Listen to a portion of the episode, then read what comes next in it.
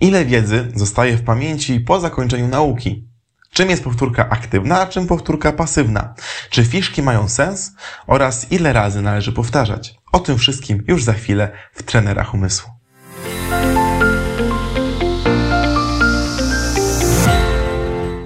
Dzień dobry, witam Cię bardzo serdecznie w kolejnym odcinku Trenerów Umysłu. E, jest to odcinek o tematyce, która jest dla mnie bardzo e, bliska i uważam, że to jest jeden z najfajniejszych elementów efektywnej nauki, ponieważ można go od razu zastosować e, i przyniesie niesamowite efekty w każdym wieku. Czy ktoś jest dzieckiem, e, czy ktoś jest studentem, czy osobą dorosłą.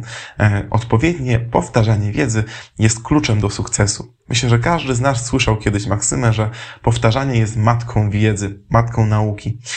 I to jest prawda. Niemniej powtórka powtórce nie jest równa e, i trzeba wiedzieć, w jaki sposób powtarzać. Na samym początku e, warto sięgnąć mm, do nauki, do postaw naukowych mówiących o tym, dlaczego w ogóle powtarzanie jest potrzebne. Pierwszą osobą, która to zbadała jest pan Ebbinghaus. E, później za nim poszło wiele różnych ośrodków naukowych potwierdzających jego tezę, jego wyniki, jego eksperymentu. Jego eksperyment pokazał, że jeżeli uczymy się czegoś, to zaraz po nauce w naszej głowie zostaje 80% informacji. E, czyli jakbyśmy przeczytali 100 stron książki, to zaraz po zakończeniu czytania w naszej głowie zostaje około 80 stron informacji. Jeżeli nic nie zrobimy z tą wiedzą, z tą nauką, to po dwóch dniach w naszej głowie zostanie już tylko 20% informacji z przeczytanego tekstu, z tego, czego się uczyliśmy. E, dlaczego tak się dzieje? Nasz mózg niestety nie uczy się wszystkiego naraz, jest inteligentnym leniem, wybiera to, co jest ważne. Jeżeli powtórzymy, on zaczyna widzieć, że to jest istotne i zaczyna mm, wzmacniać ślad pamięciowy pomiędzy neuronami, e, połączenia międzyneuronalne, które pozwalają zapamiętać coś na dłużej. I teraz, jeżeli powtórzymy wiedzę kilkukrotnie w odpowiednich odstępach, e, jednym z takich schematów jest to, aby powtórzyć po krótkiej przerwie zaraz po nauce, następnie następnego dnia, po trzech dniach, po tygodniu i po miesiącu. To jest taki idealny model. Oczywiście nie jest konieczne, aby aż tak dokładnie używać tego modelu, natomiast warto jest e, to, żeby zrobić tą powtórkę zaraz po zakończeniu nauki, po kilku dniach i po jakimś dłuższym okresie czasu. E, w tym momencie w naszej głowie jest w stanie zostać do 80% wiedzy, czyli potrafimy utrzymać ten poziom taki, jak był zaraz po przeczytaniu danych informacji. E, na samych powtórkach więc możemy zyskać ponad e, wiedzy, dokładnie 60% informacji. Jest to szalena, szalona różnica, jeżeli ktoś cały czas się uczy i nie powtarza, a uczy się o wiele mniej, a powtarza. To naprawdę daje niesamowite efekty. E, warto jednak tutaj wspomnieć, że powtórka powtórce nie jest równa. Mamy dwa typy powtarzania. Powtórka pasywna, którą robimy najczęściej. Czyli kiedy pytam się dzieci na naszym kursie e, bez brain, kiedy uczymy się jakiejkolwiek techniki, na przykład techniki zapamiętywania e, słówek języka obcego, to mm, dzieci odpowiadają mi na pytanie, w jaki sposób się uczą, opowiadają mi właśnie w taki sposób, że czytają słówka, następnie czytają te słówka i później znowu czytają te słówka i później znowu czytają te słówka. Czyli Robimy cały czas to samo. Jest to powtarzanie pasywne. E, inny przykład powtarzania pasywnego. Dziecko jest na zajęciach, student jest na wykładzie, słuchamy wykładu, wracamy do domu, chcemy się nauczyć do kolokwium, do sprawdzianu, do kartkówki. Czytamy jeszcze raz swoje notatki, potem czytamy je jeszcze raz e, i czytamy je jeszcze raz i nasz mózg cały czas pasywnie przetwarza tą wiedzę, nie aktywizuje się podczas tej nauki. Dzieje się tak dlatego, że jest po prostu znudzony tą wiedzą.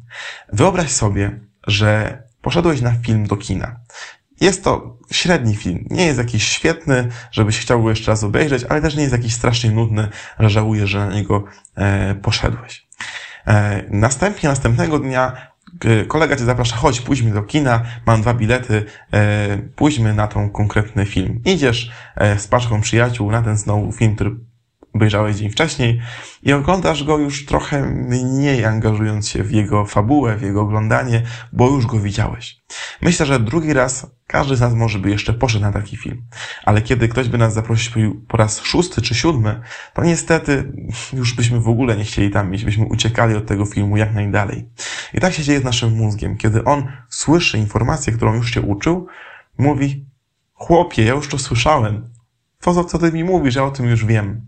I nas też oszukuje, bo on to wie, ale niekoniecznie zapamiętał to w odpowiedni sposób. Jak to zrobić, aby mózg zaczął się angażować, aby ten jego e, sposób myślenia, tego działania inteligentnego lenia, który nie pozwala mu zapamiętywać wszystkich rzeczy, które są wokół, tylko te, które są dla niego, według niego istotne, e, zmienił się na tryb słuchania tego, co my chcemy się nauczyć. Rozwiązaniem jest powtórka aktywna. Aktywne powtarzanie jest jej bardzo istotnym elementem całej nauki. Polega ono na tym, że bierzemy mózg do odpowiedzi. Jakbyśmy byli nauczycielem naszego mózgu i kazali mu podejść do tablicy i zacząć odpowiadać z tego, e, co przed chwileczką się uczyliśmy. To jest bardzo istotne to, aby mózg, czyli nasze oczy, nasze uszy, nie miały e, dostępu do wiedzy, do notatek, z których się uczyliśmy. Czyli żeby mózg nie mógł się na niczym innym oprzeć, jak tylko na pamięci, którą ma w sobie. Mózg zawsze znajdzie furtkę do zmniejszenia wydatku energetycznego, jak tylko mu pozwolimy na to. Czyli jeżeli będzie gdzieś notatka lub jakikolwiek rzecz, która będzie nam podpowiadała dobre odpowiedzi przy przepytywaniu siebie samego, to on z tego skorzysta i przestanie się angażować. Dlatego najlepszym sposobem na powtarzanie jest właśnie przepytywanie swojego mózgu. Możemy to zrobić z kimś, poprosić kogoś, żeby zadało nam pytania do mm, tematu, który przed chwileczką się uczyliśmy i wtedy taka powtórka jest bardzo fajna, bo ktoś może od razu poprawić nasze błędy. Jest również możliwe, abyśmy sami siebie przepytywali. W jaki sposób? E, jeden z opcji jest to, aby mówić samemu do siebie to, co przed chwileczką się nauczyliśmy. Można to nazwać metodą pluszowego misia. Połóżmy misia przed sobą i opowiadajmy mu to wszystko, co przed chwileczką e, czytaliśmy, o czym się uczyliśmy. Może być oczywiście druga osoba, może być to sytuacja, w której się nagrywamy i patrzymy później na błędy, które powiedzieliśmy. E, może być również taki sposób aktywnego powtarzania, że wykonujemy zadania związane z nauką, którą przed chwileczką się nauczyliśmy. Szczególnie to się tyczy e, nauk ścisłych. E, wykonujemy zadania bez dostępu do notatek. Próbujemy je wykonać najlepiej, jak potrafimy.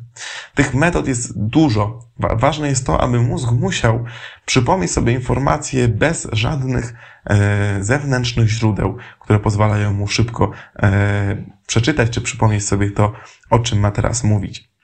I to jest pierwszy krok aktywnej powtórki. Czyli wyrywamy go z rutyny i każemy mu się wejść w to, w ten sposób, przetwarzania informacji, szukania tych informacji e, i e, przypominania sobie ich w sposób aktywny. Ważne jest to, aby w tym momencie na głos lub na kartce napisać swoje odpowiedzi. Nie wystarczy robić tego w myślach.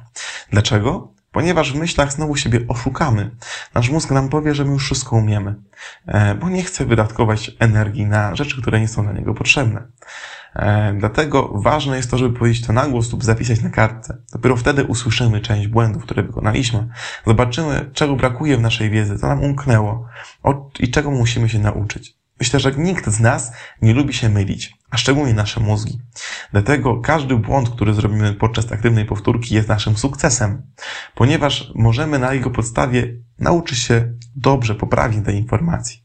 Jeżeli nie wykonamy błędu podczas nauki, podczas powtórki aktywnej, to później ten błąd może się wielokrotnie powtórzyć. E, I w momencie, kiedy będziemy najbardziej potrzebowali danej wiedzy, nie będziemy pewni, czy ta informacja, którą powiedzieliśmy, jest prawdziwa i pewna. Dlatego, jeżeli dziecko odpowiada na pytanie e, rodzica podczas przepytywania go, e, odpowiada błędnie, to nic się nie dzieje. Trzeba go pokazać, że zrobił błąd i pokazać drogę, w jaki sposób zapamiętać poprawną odpowiedź. Mózg od razu się zmotywuje do zapamiętania tej poprawnej odpowiedzi, bo on nie lubi się mylić. E, nie lubi, kiedy nie ma racji. I teraz wielkie, e, wielka prośba dla nauczycieli, dla rodziców e, dzieci, aby nie zmazywać błędów w zeszytach, w, na kartkach. Jest teraz taka moda na te wszystkie długopisy zmazywalne, na pisanie ołówkiem. Ale jeżeli mózg nie zobaczy błędu, to się nie nauczy. Dlatego lepiej przekreślić błąd i obok napisać poprawną informację. Dzięki temu mózg automatycznie będzie chciał się nauczyć poprawnej wersji odpowiedzi na dane pytanie. E, dlatego cała powtórka aktywna jest po prostu przepytywaniem siebie w różny sposób. E, daje ona niesamowite efekty i myślę, że każdy z nas jest w stanie wyobrazić sobie to, że skoro sam siebie zegzaminowałem przed konkretnym egzaminem, który będzie później chociażby na studiach czy w pracy, e, no to jestem pewny tego, co wiem, bo sam siebie sprawdziłem, sprawdziłem swoje błędy, e, nauczyłem się na nowo i znowu aktywnie powtórzyłem. Czyli najlepszym schematem nauki jest to, aby wykonać pewien proces uczenia się, czytania, przetwarzania informacji, Następnie po pewnej przerwie zrobić, należy zrobić aktywną powtórkę, później wyłapać błędy z tej aktywnej powtórki i następnie te błędy poprawić, nauczyć się ich na nowo i znowu zrobić aktywną powtórkę. Chciałem jeszcze powiedzieć o kilku ciekawostkach bardzo ważnych, potwierdzających całą tezę odnośnie e, zapamiętywania i powtarzania aktywnego, e, które mówią nam, o których mówi nam nauka. Pierwszą rzeczą jest to, że niektórzy naukowcy nawet uważają, że pasywna mm, powtórka w żaden sposób nie zmienia struktur w mózgu i nie ma szans, aby ona realnie wpłynęła na sposób zapamiętywania i na przypominanie sobie informacji przyszłości. Oczywiście każdy z nas wie, że wkuwanie częściowo działa, ale prawdopodobnie inne czynniki powodowały większe zaangażowanie mózgu, dzięki którym e, zapamiętaliśmy coś na dłużej. Drugą informacją jest to, że mm, naukowcy wykonali pewien, e, pewne badania, gdzie podzielili grupę e, badanych osób na dwie podgrupy. Obydwie grupy otrzymały mm, pewien tekst do nauczania się. Następnie e, jedna z grup miała możliwość przeczytania go ponownie, druga nie. I po tej ponownej e, czytaniu dla pierwszej grupy, a tylko jednokrotnym czytaniu dla drugiej grupy, obydwie grupy wykonały egzamin, wykonały test, rozwiązując pewien egzamin. Mm, egzamin ten powtórzono po jakimś dłuższym czasie, e, dając e, te pytania mm, tym dwóm grupom. Okazało się, że w przypadku pierwszego testu rzeczywiście te osoby, które dwukrotnie przeczytały e, tekst, miały lepszy wynik od tych, którzy przeczytały ten tekst jednokrotnie. Natomiast po dłuższym czasie te osoby, które tylko raz przeczytały tekst, ale od razu miały egzamin a nie czytały dwukrotnie tego samego tekstu, miały lepsze wyniki od osób, które powtórzyły, powtórzyły pasywnie. Czyli powtórka aktywna naprawdę ma konkretne efekty i warto z niej korzystać. Czy fiszki działają? Tak, fiszki działają. Natomiast działają tylko wtedy, kiedy je wykonamy poprawnie, czyli kiedy powtarzanie informacji na podstawie fiszek nie polega na tym, że patrzymy sobie na jedną stronę, Hmm, jak jest kod? Mamy napisane w jednej stronie słowo, słowo kod. Nie pamiętam. I co zwykle robimy? Podglądamy. Szukamy, czy ta informacja, próbujemy jak gdyby siebie samego oszukać i zobaczyć, jaka jest poprawna odpowiedź. I to jest błąd. Nie możemy tego zrobić, dopóki nie powiemy na głos jakiejkolwiek odpowiedzi, nawet błędnej. Musimy zmusić mózg do tego, aby się przed samym sobą zbłaźnił, aby sam znalazł jakąkolwiek odpowiedź, powiedział ją na głos, a potem sprawdził, czy ona jest poprawna. Musimy troszeczkę zawstydzić nasz mózg. Dlatego podczas przepytywania siebie, podczas aktywnych powtórek należy zawsze odpowiedzieć na pytanie. Nawet jeżeli to, ta odpowiedź jest błędna, nie ma szans tego, aby, aby była poprawna. Warto jest zawsze znaleźć e, odpowiedź i sprawdzić, czy ona jest błędna. I taki sposób zapamiętywania, taki sposób używania fiszek jest bardzo efektywny. Bardzo przyspiesza naukę czy to słówek języka obcego, czy wszelkich innych informacji. Mam nadzieję, że e, te informacje i te przykłady, których dzisiaj powiedziałem, spowodują, że od razu zechcesz próbować aktywnie powtarzać e, i zobaczysz, jak niesamowitym e, narzędziem jest powtórka aktywna i jak bardzo zmieni szybkość uczenia się i efektywność tej nauki.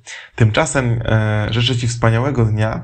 Zapraszam Cię do tego, abyś chwilę po odcinku wziął kartkę, długopis i zrobił aktywną powtórkę z tego odcinka, pisząc o tym, o czym mówiłem, co jest dla Ciebie ważne w, tym, e, w tych informacjach, a później możesz sprawdzić jeszcze raz, czy te wszystkie informacje, o których sobie zapisałeś, e, są zgodne z tym, co powiedziałem. Tymczasem życzę Ci kreatywnego dnia i do zobaczenia.